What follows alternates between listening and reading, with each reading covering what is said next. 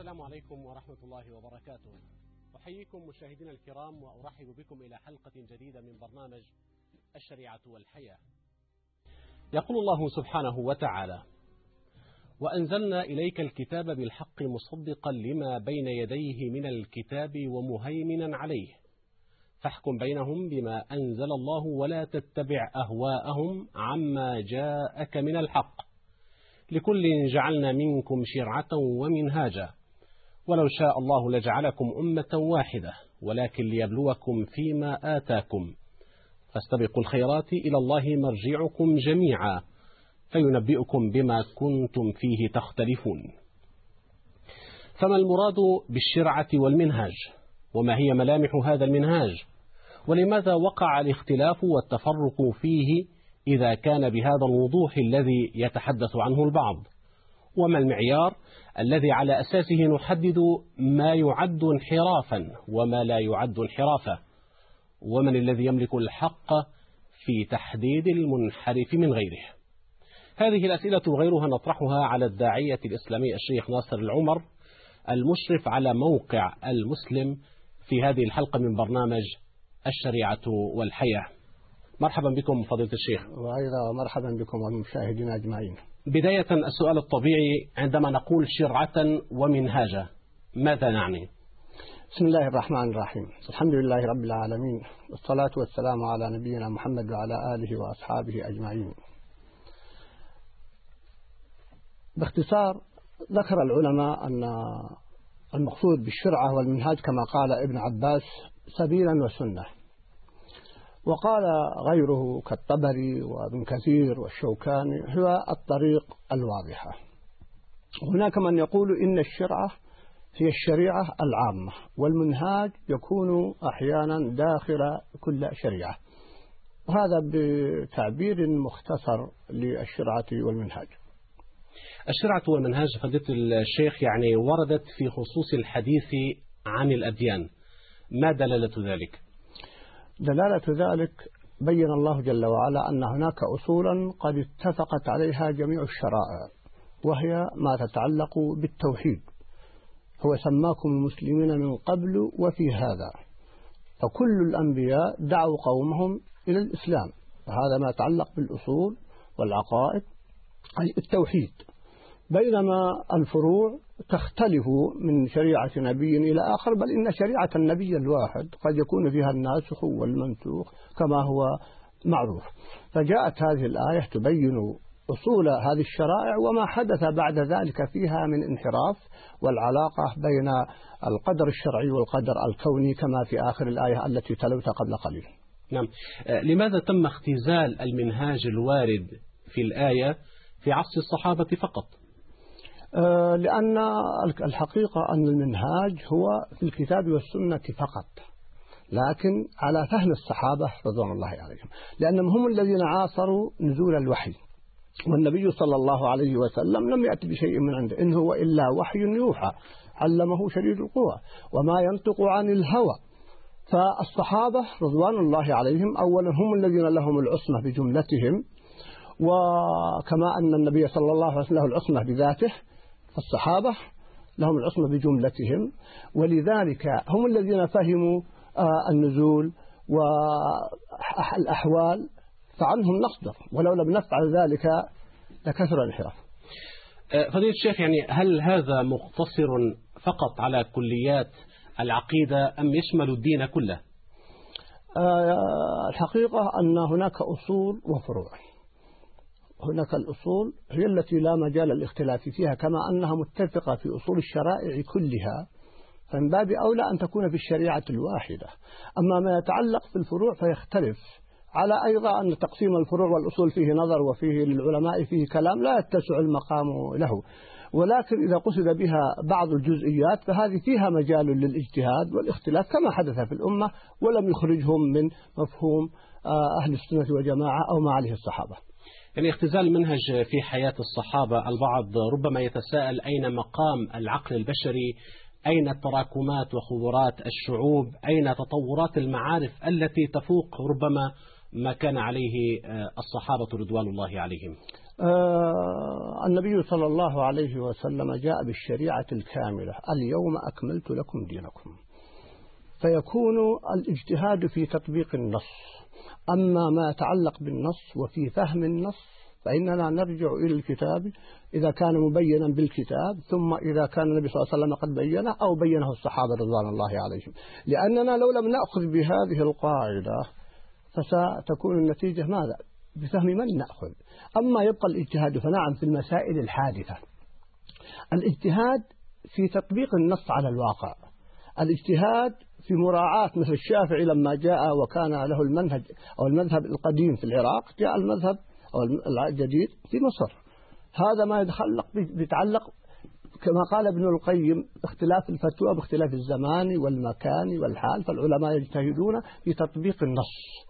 يراعون فيه أحوال ودلالة النص وضوابط النص وجملة النصوص الواردة في القضية الواحدة.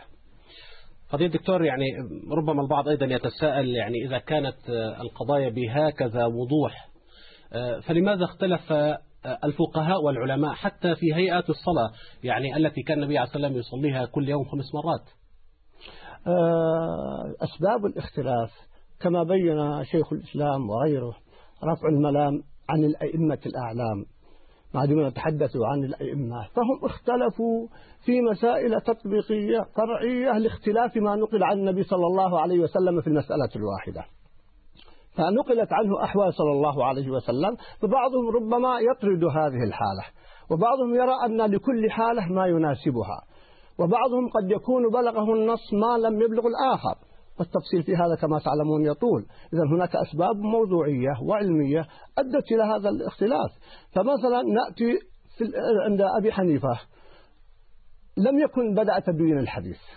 فهناك أحاديث لم تبلغ ولا تسمى مدرسة الرأي جاءت مدرسة الإمام مالك ومدرسة الشافعي وأحمد وكان بدأ تدوين السنة على عهد عمر بن عبد العزيز رضي الله عنه على رأس المئة الأولى. فكان بلغت السنة وأصبحت المدرسة بلغهم ما لم يبلغ من قبلهم في فترة زمنية معينة. فطبيعي أن يقع شيء من الاختلاف بالإضافة إلى اختلاف الفهم واختلاف تطبيق الحالة وتنزيل الحالة والله أعلم. يعني حتى هناك بعض النصوص ربما فهمها الصحابة آه، كما ذكرتم بمفاهيم مختلفة. ولعل آه، يعني لا يصلين أحدكم العصر إلا في بني قريظة نعم. كل واحد أو كل فريق من الصحابة فهمها فهما خاصا به. فضيلة الدكتور يعني آه، كذلك يعني ألا يقف الإسلام يعني على هذا الفهم عن التطور ويبقى آه، محصورا أو حبيس عصور الصحابة فقط؟ هذا غير صحيح. أما النصوص أما مصدر التلقي فيبقى هو حبيس على الكتاب والسنة وبفهم السلف الصالح. أما التطبيق فلا.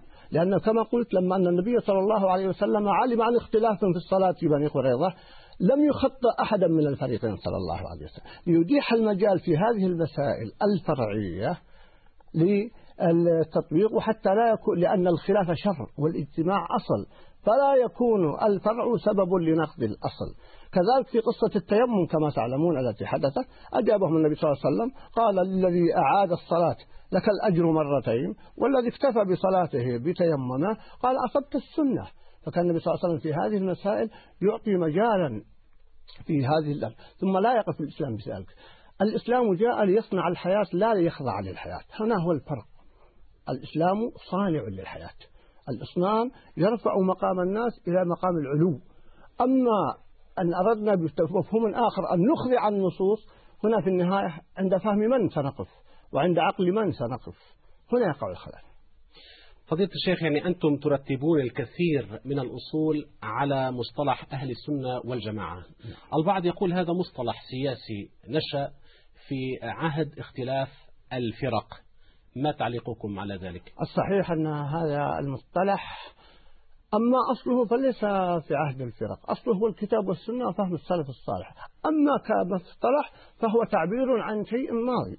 ولذلك مثلا شيخ الإسلام ابن تيمية قال لخصومه ردا على هذه المسألة أمهلكم ثلاث سنين. إن رأيتم حرفا خالفت فيه الكتاب في السنة فأنا أرجع عنه وما عليه الصحابة فلم يستطيعوا. بينه وبين عهد الصحابة 600 عام أو 700 عام وأمهلهم ثلاث سنين. إن وجدوا حرفا واحدا يخالف ما عليه الصحابة.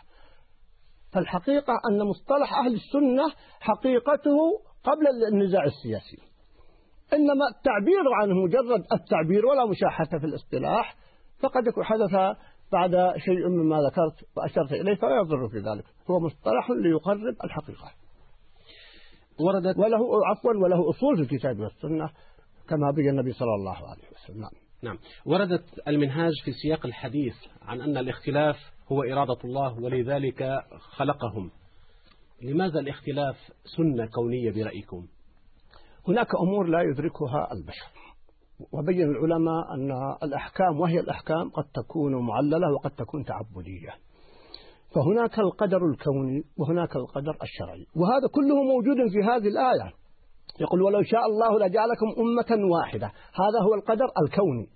ولكن ليبلوكم فيما آتاكم لينظر من يتبع هذا السبيل وهذا الطريق وهذا القدر الشرعي. فنتعامل مع الأقدار الكونية بالأقدار الشرعية. ولا يمكن أن يحيط البشر مهما بلغوا بمراد الله جل وعلا كله. قد يطلعهم على البعض. إذا كان الأنبياء كما في سورة الجن قد يطلع الله جل وعلا بعضهم على شيء من الغيب أو يطلعهم على بعض الغيب. وبعد ذلك لا يعلمون وهم الأنبياء. فما بالك بغيرهم؟ إذا هناك القدر الكوني الذي لا يمكن مهما اجتمع البشر أن يحيطوا به. وهناك القدر الشرعي الذي أنا وأنت والمشاهد مخاطب به نتعامل مع القدر الكوني بالقدر الشرعي ليبلغكم فيما آتاكم. ثم بين سبحانه وتعالى كما إليه مرجعكم جميعا فينبئكم بما كنتم فيه تختلفون. هنا يقع التعبد وأن العبودية لله جل وعلا وأنه سبحانه وتعالى له الإرادة المطلقة والحكم المطلق. فمن الذي يخضع لهذا؟ أو يريد أن يخضع مراد الله جل وعلا مراد الله جل وعلا لفهمه وتقصيره لكن هذه الشرعة التي جعلها الله تعالى للمسلمين شرعة متفرقة الآن. لماذا تفرقت برأيكم؟ آه، لماذا لم تعد كما جاءت بيضاء نقية؟ آه هذا له أسباب كثيرة. لا شك أن عامل البعد عن عهد النبوة عامل مؤثر وذكر النبي صلى الله عليه وسلم بين أن خير القرون هم قرن ثم الذين يلون ثم الذين يلونهم وهو ما أطلق عليه البعض مصطلح أنهم السلف أو التابعين وتابع التابعين. فكلما بعد الإنسان عن شيء ضعفت صلته فيه إلا إذا ارتبط بالأصل. هذه المسألة الأولى وذلك له أسباب. وهذا الذي نتحدث عنه هذا اليوم. هناك أناس الآن لا يزالون على منهاج النبوة كما بين النبي صلى الله عليه وسلم. لا تزال طائفة من أمتي على الحق ظاهرين. لا يضرهم من خذلهم ولا من خالف حتى أتي أمر الله أو حتى تأتي الساعة كما بين النبي صلى الله عليه وسلم في روايات الحديث. فيبقى أناس الفرقة الناجحة. الطائفة المنصورة لما ذكر النبي صلى الله عليه وسلم الافتراق افترقت اليهود على إحدى أو اثنتين وسبعين فرقة وافترقت النصارى كذلك وستفترق هذه الأمة على ثلاث وسبعين فرقة كلها في النار إلا واحدة. ما هي هذه الواحدة؟ قال ما أنا عليه وأصحابي. وفي رواية هو الإسلام وجماعته. نعم. فإذا هناك أسباب لهذا الافتراق. منها آه البعد الزمني بين البعد الزمني عامل نعم هذا عامل لكن ليس مضطر لأن هناك لو قلنا بهذا أنه هو المؤثر تماما قد نقول إذا ليس هناك أحد على هذا المنهج. لا إنما نقول عامل هذا عدم تعظيم النصوص أي عدم توحيد مصدر التلقي. فمنهم هناك من عظم العقول والعقول قاصرة. العقول قاصرة أن تحيط بمراد الله جل وعلا وبكل ما يريده الله ويريده النبي صلى الله عليه وسلم. الهوى كما تعلم. الظروف السياسية التي أشرتم إليها كانت عاملا مؤثرا وأنت الآن ترى أن العامل السياسي وضغط الواقع يجعل بعض الناس يتجاوبون في فتاوى معينة. الكل يدرك أنها غير صحيحة لكن ضغط السياسة أدت أو ضغط الواقع أحيانا أو ضغط الجمهور يكون سببا لهذا الانحراف. بينما يجب أن يرفع الناس ولذلك يجب أن نفرق بين أن نقول إن الإسلام خاضع لكل زمان ومكان أو صانع لكل زمان ومكان. نعم هو الإسلام صالح لكل زمان ومكان وصانع لكل زمان ومكان. إذا تقديم العقل على النص عدم توحيد مصدر التلقي الهوى الحزبية التي أضرت الأمة الآن والحزبية كما تشاهدون في واقع الأمة الآن كان هناك في السابق التعصب المذهبي. اليوم جاء ما يسمى بالحزبية التعصب لجماعة أو بلد أو فئة يبعد عن الحق وهو يدخل في اتباع الهوى. الجهل من الأسباب وكثيرا من أتي أتي من قبل جهله وعدم معرفته بالنصوص. هذه أسباب عوامل مؤثرة أدت إلى هذا الافتراق الذي نراه ولذلك جاءت أحكام الشريعة تعالج كل فئة بما يناسبها. يعني لو أردت أن أسأل هل هناك يعني قضايا أو أمور آه، يحتمل فيها آه، الاختلاف والنقاش؟ وأمور لا يمكن أن تحتمل الاختلاف والنقاش. نعم.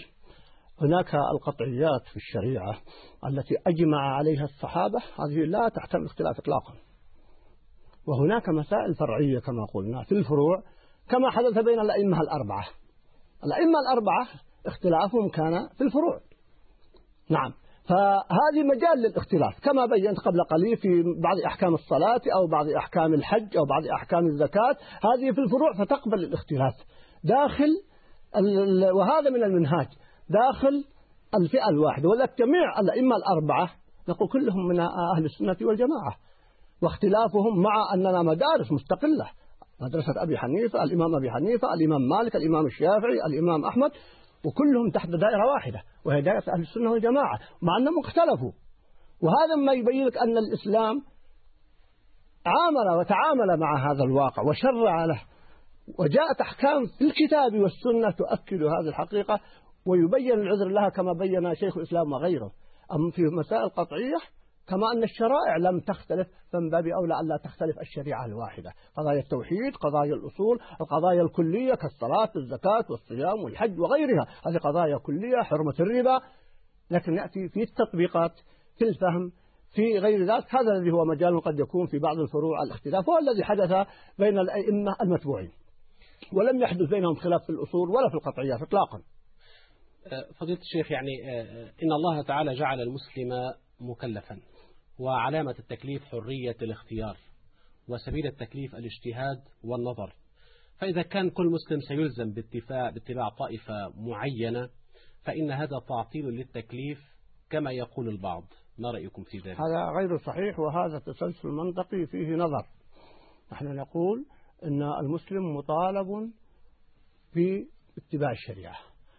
في حديث عياض بن حمار رضي الله عنه عن النبي صلى الله عليه وسلم عن الله جل وعلا عن ربه جل وعلا يقول بعثت عبادي أو خلقت عبادي حنفاء فاحتالتهم وفي بعض النسخ فاجتالتهم الشياطين. إذا هذا البعد عن الحنفية الحنيفية التي فطر الله الناس عليها فطرة الله التي فطر الناس عليها. توافقا مع ما جاء عن الله في النص هذا هو المطالب فيه المسلم. ولكن حرية الاختيار يتتعلق في مسائل معينة وليس في اختيار دينه. إنما المسلم هو أصله. كل مولود يولد على الفطرة فأبواه يهودانه أو ينصرانه أو يمجسانه. هكذا جاء وإلا فهو على الأصل وعلى الفطرة. فما اختزلناها بل نطالبه باتباع الدليل. الكتاب والسنة من يتبع أوثق الأوثق عنده من العلماء. إذا لم يكن يملك وسائل الاجتهاد ولا القدرة في الاجتهاد أنت تتعجب من الناس أنهم أهل الاختصاصات كالطب لا يسمحون لأحد يتدخل في الطب إن لم يكن طبيبا ولا في الهندسة إن لم يكن مهندسا ولا في أي علوم بينما في الشريعة يريدون الكل يتصرفون كما يتشاءون. كلأ مباح. نعم كلأ مباح. المرور لو وجد شخص يسوق بدون قيادة رخصة قيادة لعاقبه بينما قد يفتي الكل ويقال من حقهم حرية الاختيار هذا لا يكون في الأمور العادية. ولا في داخل البيت الواحد. فكيف في الشريعة؟ هذه هي الفوضى وهذا هو البعد وهذا هو الانحراف الذي وقع فيه أهل الكتاب. لما ابتعدوا عن النص وحرفوا في الكتاب في كتبهم المنزلة لكن عصم الله جل وعلا كتابه. وجاءتنا هذه السنة التي تميزت بها هذه الأمة. السنة الصحيحة عن طريق الإسناد فهي محفوظة. إذا ما دامت محفوظة لا مجال للاجتهاد إذا كنت تقول للإنسان هذا هو الطريق الصحيح بدلالة كتاب السنة كيف تقول له اجتهد؟ إذا كان الإنسان يرى القبلة يرى الكعبة هل يحق له أن يجتهد؟ لا يحق له أن يجتهد وهو يرى الكعبة. وقال العلماء إذا كان يرى الكعبة لابد أن تستقبل إليها. إذا لم يرها فيستقبل إلى جهة مكة وهكذا. فكيف نعطي حرية الاجتهاد في أمر قد حسم وانتهى وقضي؟ وإن لم يكن كذلك فله أهله من أهل العلم من العلماء الربانيين من الراسخين في العلم ممن هم على منهج أهل السنة والجماعة هم الذين يرجعوا إليهم. وإن تنازعتم في شيء فردوه إلى الله. ورسوله. نعم. نعم. و وكما ولو ردوه إلى إلى الرسول في حياته وإلى أولي الأمر منهم لعلمه من؟ الذين يستنبطونه منهم. ليس الكل نعم. ما يعلم إلا الذين يستنبطون مما أتاه الله. الفقه في حديث معاذ. نعم. من يريد الله به طبعاً- خيرا يفقهه في الدين. طبعا في الحديث عن المنهاج لابد أن نتحدث عن ملامح هذا المنهاج. حديثنا عن ملامح المنهاج إن شاء الله تعالى يكون بعد وقفة قصيرة. فاصل قصير مشاهدينا الكرام ثم نعود إلى متابعة هذه الحلقة. فابقوا معنا. أهلا وسهلا بكم مشاهدينا الكرام. من جديد إلى حلقة هذا الأسبوع من برنامج الشريعة والحياة مع فضيلة الشيخ آه، ناصر العمر الداعية الإسلامي. فضيلة الشيخ يعني كنت آه، تحدثت عن موضوع ملامح المنهاج. ما هي أهم ملامح المنهاج الذي تتحدثون عنه؟ المنهاج له ضوابط وله ممكن نقول ملامح وإن كانت متداخلة. ضابطه هو توحيد مصدر التلقي عن الكتاب والسنة بفهم السلف الصالح. ومن ملامح التي تبين هذا ما دمنا اتفقنا على الأصل وعلى القاعدة. نعم. هو الرجوع إلى الكتاب والسنة كما بين الله جل وعلا ولو ردوه إلى الله والرسول. نعم. وإن تنازعتم في شيء فردوه إلى الله والرسول. نعم. أما ملامحه فمنها تعظيم النص. من ملامح منهج أهل السنة والجماعة تعظيم النصوص. ولذلك لا تجد أحدا من أهل الأهوى إلا تجده لا يعظم النصوص. أي نصوص الكتاب والسنة. وتعظيم من فهم هذا النص وهم الصحابة رضوان الله عليهم. وتأتي من داخل هذه الملامح أنه الوسطية التيسير. آه أيضا من ملامح الواقعية في التعامل مع الواقع لأنه منهج فيه حيوية ومتجدد وليس كما قال البعض أنه منهج فيه الجمود أبدا بل هو المنهج المتجدد مع واقع الحياة. نعم. لكن في الفهم والضوابط التي أشرت إليها. أيضا من ملامح هذا المنهج العدل حتى مع الخصوم. ولا يجرمنكم شنآن قوم على أن لا تعدلوا. اعدلوا هو أقرب للتقوى. الولاء والبراء تعظيم شأن التوحيد والعقيدة سعة الأفق في التعامل مع المسائل الفرعية والتعامل مع الناس بين الناس بين إفراط وتفريط والتعامل مع هؤلاء هذه بعض الملامح السريعة التي لا نستطيع أن نختصر أو نتوسع فيها في مثل هذه الحلقة. لعل الملامح كثيرة كما ذكرتم ولكن عندما نتحدث فضيلة الشيخ عن المنهاج وتقسيماته ما ثمرة الخوض في هذا الأمر؟ ثمرته عظيمة جدا. المنهاج يمكن أن أقسم إلى ثلاثة أقسام. منهاج داخل دائرة أهل السنة وهو الاختلاف في الفروع. عندما يفهم الناس هذه الحقيقة لا يقيمون قضية الولاء والبراء على خلافات في الفروع إنما يتراحمون.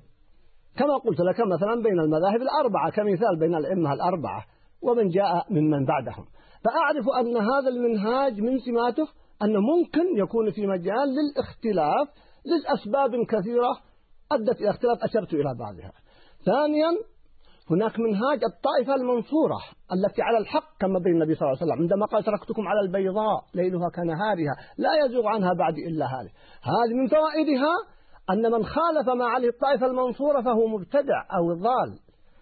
ثالثا في القطعيات التي أجمع عليها الصحابة من خالفها إما أن يكون ممن أوغل في الابتداع كبعض الفرق أو قد يكون خرج عن الإسلام. كما يحدث من بعض العلمانيين والليبراليين الذين خرجوا عن قطعيات في الشريعة. فما تجد بعضهم يقول قد يكون اليهود على الحق والنصارى على الحق ونحن على الحق. حتى قرأت هذا لأحدهم يقول لا ندري من هو على الحق. مع أن الله قال, قال إن الدين عند الله الإسلام. ومن يبتغي غير الإسلام دينا فلن يقبل منه. إذا كل هذا يساعدنا فهم هذا التقسيم على تنزيل الناس منازلهم. فمنهم من هو داخل الدائرة. ما دام في المنهاج الذي اختلفت فيه الأمة بخلاف في الفروع. والدائرة لا يبقى داخل دائرة الإسلام لكن يكون خرج عن منهج أهل السنة والجماعة والدائرة الأخرى يكون خرج عن الإسلام. عندما تتحدثون عن بغض من يخالف ما يسمى منهاج السنة ألا تشيعون الشحناء في المجتمع؟ بالعكس إنما نشيع الرحمة. لأنه عندما نقول الناس هذا ما عليه نبيكم صلى الله عليه وسلم. هل ينازع أحد مسلم في حب الله وحب النبي صلى الله عليه وسلم وحب صحابته؟ نقول هؤلاء هم الحب لا بد من اتباع. قل إن كنتم تحبون الله فاتبعوني يحبكم الله. إذا هذا هو طريق الاتباع. بينما ترك الناس هو الذي يحدث الشحناء. وانظر أيها الأخ الكريم والكلام حتى للمشاهدين. لأن لم يوجد نظام في بلد من البلدان. كيف تسير الأمور؟ ولكن الآخرون فضيلة الشيخ ربما كذلك يقولون ما تقولونه أيضا. معتمدين في ذلك على الكتاب والسنة. ما يقولونه هم؟ نعم. نرجع لفهم السلف الصالح. وأنا أذكر لك قصة حدثت لي جاءتني بعض الإخوان ممن عندهم ابتداع وقال نحن عندنا فهم خاطئ. فاتفقنا على ماذا نرجع؟ فاتفقنا على الكتاب والسنة وفهم السلف الصالح. وليس أقوال من بعدهم. استمر النقاش فقط ربع ساعة وتراجعوا أما هم عليه معي اثنان مع من المشايخ. ولو رجعنا لأقوال الرجال لما انتهينا إلى نتيجة بعد ذلك. وكما قال كما قلت شيخ الإسلام نقوله نحن إذا رأيتم وقاله الإمام الشافعي أي شيء يخالف ما عليه صحابة النبي صلى الله عليه وسلم؟ فردوه. فضلا أن يخالف الكتاب أو السنة. هذا هو الضبط للمنهج وللدين. وإلا سيبتعد الناس عن دين الله جل وعلا. كما تبتعد السفينة عن الشاطئ. إذا أين احترام آه، حق الاختلاف؟ الاختلاف فيه ما هو مشروع وفيه ما هو ممنوع. إذا كان الاختلاف بسبب التعدي على النصوص والتعدي على الحق الذي هو لله جل وعلا ولرسوله كما قال ويقول كما بين الله سبحانه وتعالى في سورة الإسراء نعم أنه لو وإن كاد ولو الشيطان الرجيم في اتباعهم لو كاد أنه لو مال معهم لعذبه الله جل وعلا كما صار. أليس من حق البشر أن تختلف فهومهم واجتهاداتهم لماذا يتم هنا نأتي مسألة أخرى. إذا اجتهد الإنسان قد يعذر قد نعذره شرعا لكننا لا نصوبه. في فرق بين التصويب بين العذر. وهذا باب آخر. وتحدث فيه العلماء العذر بالجهل مثلا أو بسبب الفهم أو غير ذلك يعذر لكنه لا يصوب. يخطأ في هذا. ولذلك لا بد من بيان الحق وبيان عدم الحيد عن الكتاب والسنة وفهم السلف الصالح. لو أن الناس كلهم ردوا أمورهم إلى هذا المنهج لارتاحوا ولا اجتمعوا. أليس الناس يتفقون على شيخ قبيلة يجمع أمورهم؟ أليس كل بلد له زعيم أو رئيس؟ وتكون فيه أنظمة تضبط البلد؟ سبحان الله. لماذا هذا جائز في الواقع البشري بين العالم كله مؤمنهم وكافرهم ولا يكون في الشريعة الواحدة؟ الفكر السلفي فضيلة الشيخ متهم بأنه يحتكر الحق ويحتكر النجاة دون سائر المسلمين وربما البعض يتهمه بأنه ينصب نفسه قاضيا. آه، كيف تردون على من يقول ذلك؟ هنا خلل أصلا فيما نسميه الفكر السلفي. من أكبر الأخطاء أن نجعل السلف أو الفكر السلفي مساوي للأفكار الأخرى والمذاهب الأخرى.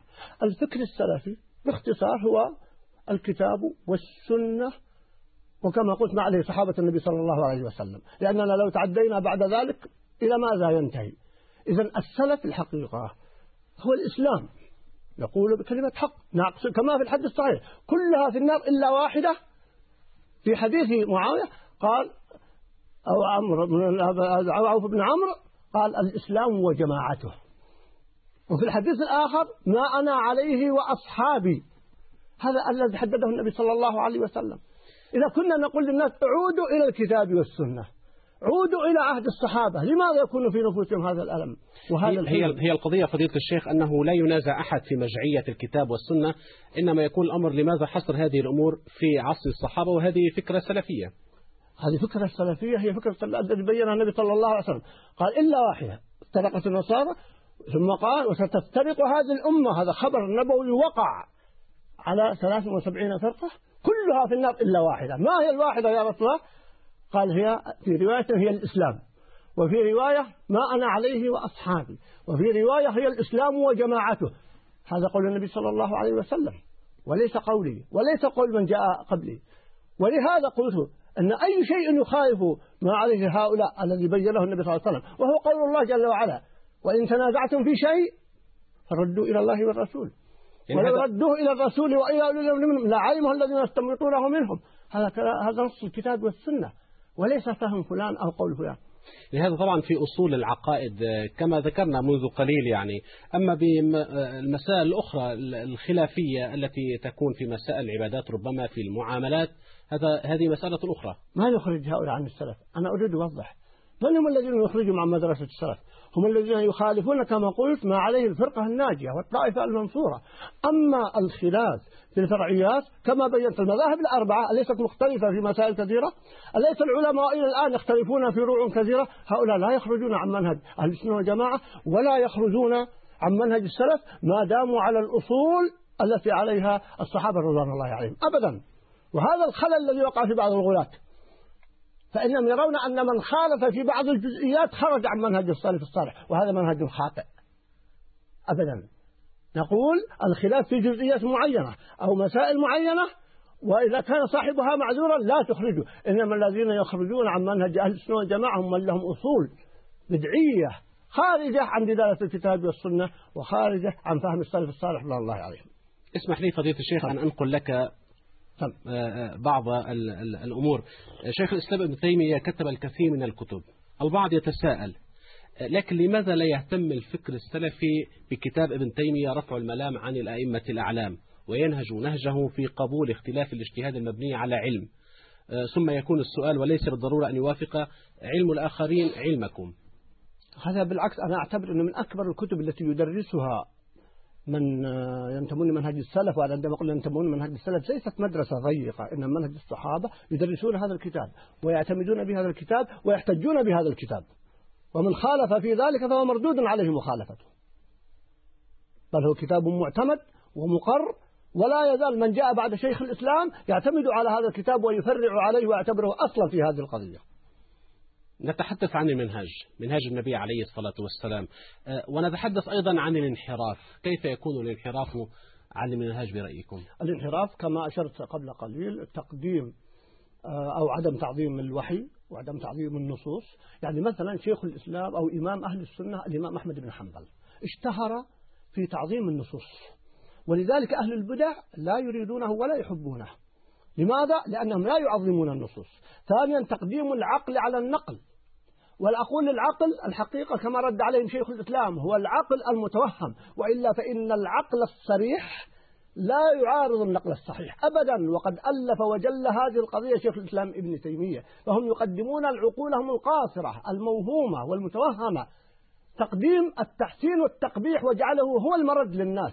التحسين والتقبيح له آه، اختلف الناس فيه. نحن لا نهمل التحسين والتقبيح لكن لا يعتبر أصلا يرجع إليه وترجع إليه النصوص. ولذلك هناك من أبطل أحاديث البخاري ومسلم يعيدها إلى تحسينه وتقبيحه القاصر وعقله القاصر. فهذه كلها من أسباب كما قلت الحزبية والافتراق الهوى التعصب كلها أدت إلى الانحراف. يقول آه. أنه أنه بعض هذه الأحاديث التي ردت إنما تخالف أصولا. لا تخالف أصوله من قال ذلك فقد أخطأ. الأحاديث الثابتة دفع الإيهام الاضطراب. عن آي الكتاب للإمام الشنقيطي. نعم.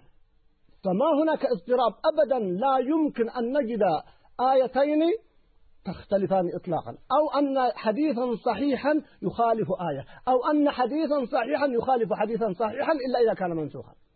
لا يمكن. لكن قد يكون الحديث ضعيفا. وقد يكون الفهم قاصرا. قد يتوهم المخالفة وليس لها. ده دفع إيهام الكتاب الاضطراب عن آي الكتاب. هذا كتاب عظيم للإمام الشنقيطي. أنصح بقراءته والرجوع إليه. أزال كثير من الشبه. أنه لا يمكن أن يوجد اضطراب بين النصوص الثابتة إطلاقا سواء من الكتاب أو السنة. فضيلة الشيخ يعني ما ترونه انحرافا ربما يراه الآخرون ليس انحرافا. طبعا الآخرون مخالفون في الرأي. يعني لو أردنا أن نتحدث عن معيار يمكن أن نحتكم إليه في تهمة الانحراف. آه ذكرته أكثر من مرة وهو توحيد مصدر التلقي. بفهم السلف الصالح. من خرج عن هذا فبمقدار خروجه يكون انحرافه وأن نعدل مع هؤلاء. من خالف في مسألة ليس كمن خالف في عشر مسائل ليس ومن خالف في فر- فرع مسألة فرعية ليس كمن خالف بمسألة أعظم في الأصول وهكذا. فإذا إن لم نوحد المرجعية ونوحد مصدر التلقي اختلف الناس في ذلك. ولكن مصدر التلقي تختلف فيه الفهوم والاجتهادات فليست كلها نصوص قطعية الدلالة. يرجع فيه إلى أولي الأمر كما قلنا. وقال الله جل وعلا ولو ردوه إلى الرسول أي في حياته وإلى أولي الأمر منهم لعلمه من؟ من الذي يمثل أولي ال- الأمر الآن؟ هم علماء الأمة. هناك الآن مجامع معتبرة مثل مجمع الفقه الإسلامي. مجمع في رابطة العالم الإسلامي هذا مجمع الفقه الإسلامي أو مجمع الفقهاء أيضا في الرابطة الإسلامي. هيئات كبار العلماء في بعض المناطق هم الذين نرجع عليهم إلى الراسخين في العلم. وإلا بدون ذلك تضيع الأمور. وهي مجامع معتبرة وهي تتماشى مع قوله تعالى ولو ردوه إلى الرسول وإلى أولي الأمر منهم وهم العلماء لعلمه من؟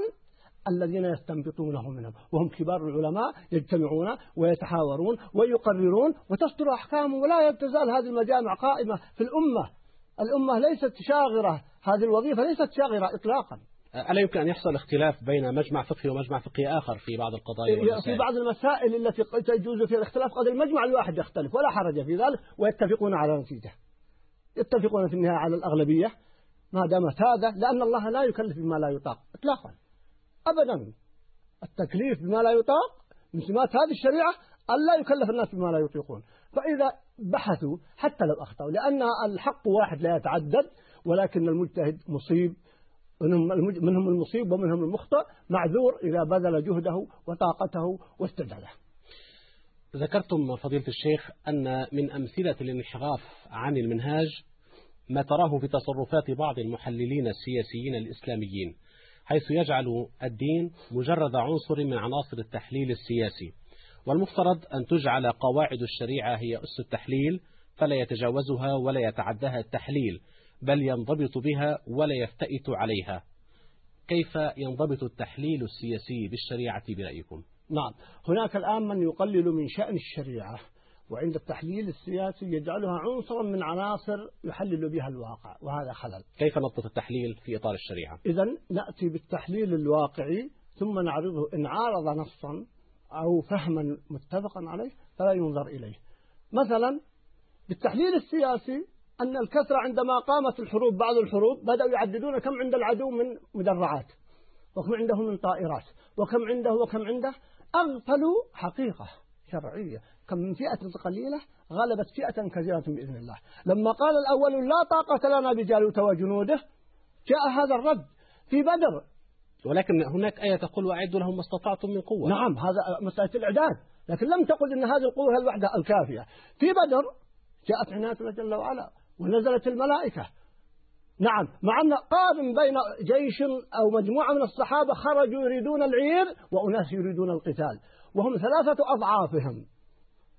الأمر النفسي والأمر الحسي. من الذي انتصر؟ انتصارا عظيما يجلجل ما رؤي الشيطان أذل ولا أحقر من ذلك اليوم. إذا التحليل السياسي وحده قد يقول تنتصر قريش. التحليل السياسي وحده أخذ عناصر القوة المادية أن قال طالوت هو الذي سينتصر. لكن القوة الإيمانية وهو الواقع الآن. من كان يتصور أن أمريكا بعد خمس سنوات لا تزال الآن تترنح في العراق؟ بقوتها وجبروتها وطغيانها من يتصور في فلسطين هذه القلة المحاصرة تثبت هذا الثبات العجيب والعالم كله؟ ولكن أين هذه القلة المؤمنة التي تتحدثون عنها موجودة. نعم موجودة القلة المؤمنة. موجودة في العراق وفي أفغانستان وفي الشيشان وفي الصومال وفي فلسطين. الآن هل وضع فلسطين أحسن من قبل أربعين سنة؟ أبدا. كانت القوى المعادية كانت الأحزاب الكافرة هي التي تعبث في قضية فلسطين. والصوت المؤمن ضعيف وقتها. الآن الصوت الأعلى هو صوت الجهاد هو صوت الإسلام في فلسطين. من كان يتصور أن نثبت إخواننا في غزة هذا الثبات العجيب؟ التحليل السياسي لا يقول بذلك. إذا كان مجردا عن النص عن إعانة الله جل وعلا عن تأييده عن الدعم النفسي وكم من فئة قليلة غلبت فئة كثيرة بإذن الله. كم من حروب قامت اعتمد فيها على التحليل السياسية ممكن التحاليل المادية تكون بين القوى الكافرة أو القوى المتماثلة. أما بين قوة المسلمين وغيرهم لا بد من إخضاعها. الشرع هو الذي يحسم المسائل. وأقوى دليل عندنا ما حدث في أفغانستان ومقابلة الشيوعية. الشرع هل نعني به الفقه؟ الفقه؟ الفقه. لا الشرع كله الشريعة يعني النصوص الشريعة الفقه بمعناه الأعم الفقه الأكبر. وليس الفقه بمعناه الضيق. ولكن الفقه عملية اجتهادية فضيلة الشيخ. في مسائل اجتهادية نعم لا شك. لكن في أصول قطعية. نعم. قلت لا نعتمد على الأسباب المادية أبدا في تحاليلنا السياسية. هذا الذي ظل فيه كثير من الناس وهي أخضع الشرع بسبب هذا الفهم القاصر. إذا لماذا تتكلمون فضيلة الشيخ يعني عن نصوص قطعية مفصلة في كل شؤون الحياة؟ مسائل السياسة بعيدة تماما عن منهاج الفقه الذي تسمونه أيضا شريعة. النبي صلى الله عليه وسلم بين ذلك عندما تكون خلافة على منهاج النبوة. حديثنا الذي نتحدث عنه اليوم بينه النبي صلى الله عليه وسلم. تكون خلافة ما قال خلافة وأسكت بل أكمل قال على منهاج النبوة. هذه الخلافة التي على منهاج النبوة هي المؤيدة هي المنصورة هي القائمة. أما غيرها بسبب بعدها وقربها من الحق. هذه الحقيقة يا أخي الكريم اليوم في قناة الجزيرة رأيت في الأخبار أن بلاد عبثت بها العلمانية سنوات. الآن حكامها يقولون نحن حراس الشريعة لأنهم رأوا أن الناس يريدون الشريعة لأن الناس لا يخضعون إلا للشرع. قد يخضعون بالقوة لغير الشرع لكن بالفطرة والاختيار لا يخضعون إلا للشرع لخالقهم لأن الله هذه الفطرة فطرة الله التي فطر الناس عليها. لكن السياسة فضيلة الشيخ مسألة مبنية على المصالح. يعني لأنقل لك بعض ما قاله الإمام ابن عقيل الحنبلي قال إن قلت إنه لا سياسة إلا ما نطق به الشرع فذلك غلط وتغليط للصحابة. السياسة أي فعل يكون الناس معه أقرب إلى الصلاح وأبعد عن الفساد وإن لم يرد به الشرع. لم يرد به الشرع يقصد بنصه. أما بضوابطه فلا بد وما أراده هذا الإمام أراد أن قد لا نجد ذات المسألة بنصها في الكتاب أو السنة. ولذلك فإنني هنا أبين أهمية علم المقاصد. والقواعد الكلية في الشريعة. هي التي تضبط المسار. الفقيه الذي يدرس المقاصد الشريعة ويدرس القواعد والضرورات الخمس هو الذي تنضبط فتواه. وهذا هو الذي يتعامل مع الواقع. وهذا هو الذي يتجدد. ثم هناك فرق أيضا بين الوسائل والغايات. الوسائل صحيح لا أحكام الغايات لكن لا تكون تعبدية. الوسائل يراعى فيها مصالح الناس ضمن ضوابط الشريعة العامة. ضمن أصول الشريعة العامة ضمن المقاصد العامة ضمن القواعد الكلية. وبهذا تكون ولذا قال النبي صلى الله عليه وسلم على منهاج النبوة. أي ملتزمة بالأصول والضوابط كما جاء عمر بن عبد العزيز وقاد الأمة على منهاج النبوة رحمه الله ورضي عنه. فضيلة الشيخ يعني من خصائص الشريعة الإسلامية أنها شريعة يسر لكن أحيانا يفضي هذا اليسر إلى الانحراف عن المنهج. متى يكون اليسر انحرافا عن المنهج؟ حقيقة هذه مسألة عظيمة جدا. من سمات هذا الدين كما أشرت قبل قليل هو اليسر. نعم. إن هذا الدين يسر ولن نعم يشاد الدين أحد إلا غلبه اليسر ولا يريد العسر نعم. وجاهدوا في الله حق جهاده هو اجتباكم وما جعل عليكم الدين حرج. ملة أبيكم إبراهيم. هذه سمة الدين. إنما بعثتم ميسرين. يقول النبي صلى الله عليه وسلم يسر ولا تعسر يوصي معاذ وأبا موسى عليهم السلام. لكن متى يكون هو اليسر في التعامل مع نصوص الشرع وفهم هذه المقاصد التي قلت في القواعد والترجيح. أما إذا ابتعد الناس وأخضعوا النصوص لأهوائهم هناك من يخضع النصوص الآن باسم اليسر لأهواء الحكام. هناك من يخضع النصوص لما يطلبه اسمح لي أقول لك الجمهور ما يطلبه المستمعون. ضغط الجمهور الآن يضغط على بعض الناس ليتنازلوا باسم التيسير.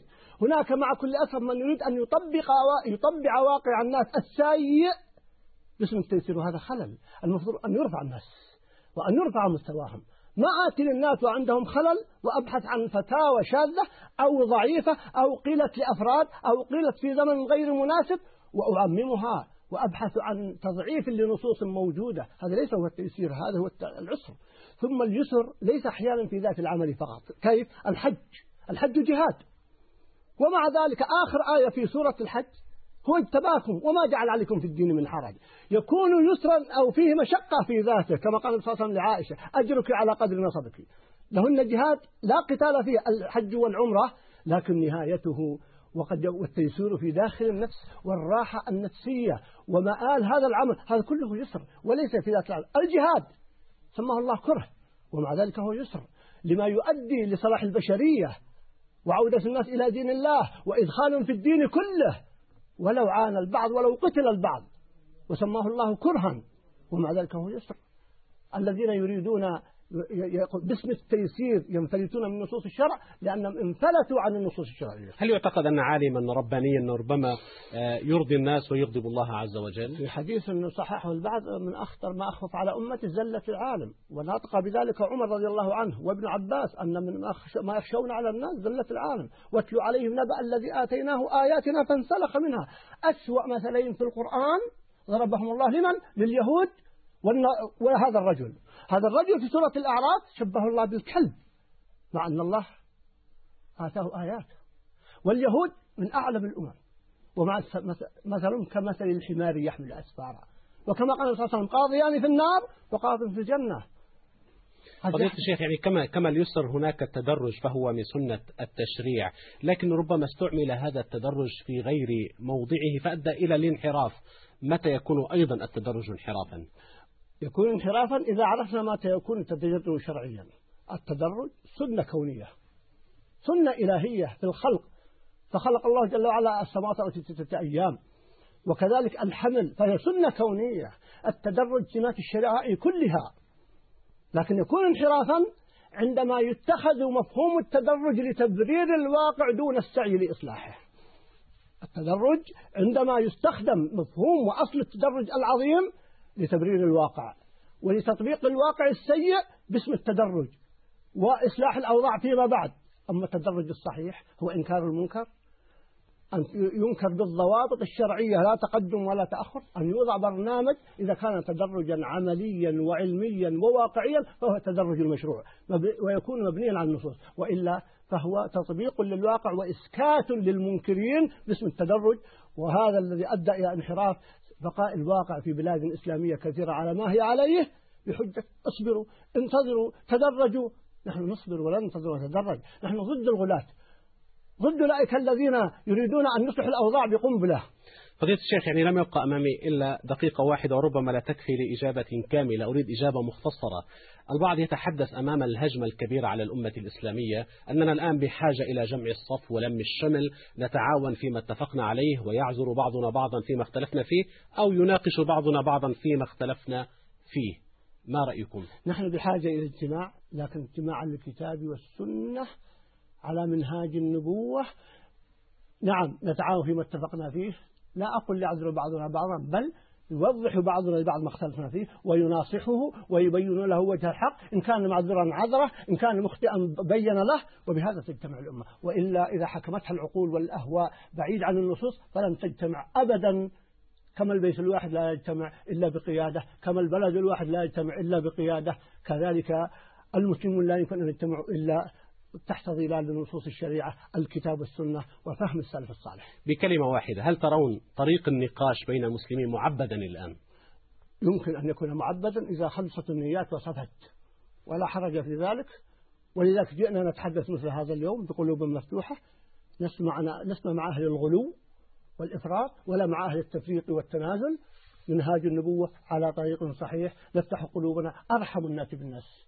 من زيادة هذا المنهاج أنهم أرحم الناس بالناس وأنهم يرحمون حتى الكافر لكنهم يقيمون عليه الحجة ويقيمون عليه الحق من أجل رحمته والرحمة به وما أرسلناك إلى رحمة للعالمين. لم إن هو إلا ذكر لم يتبقى لي في نهاية هذه الحلقة إلا أن أشكركم فضيلة الشيخ ناصر العمر الداعية الإسلامي والمشرف على موقع المسلم. كما أشكركم مشاهدينا على حسن المتابعة. لكم تحية من معد برنامج معتز الخطيب. ومن المخرج منصور طلفي ومن سائر فريق العمل. هذا عثمان عثمان يستودعكم الله. دمتم بأمان الله. السلام عليكم ورحمة الله وبركاته.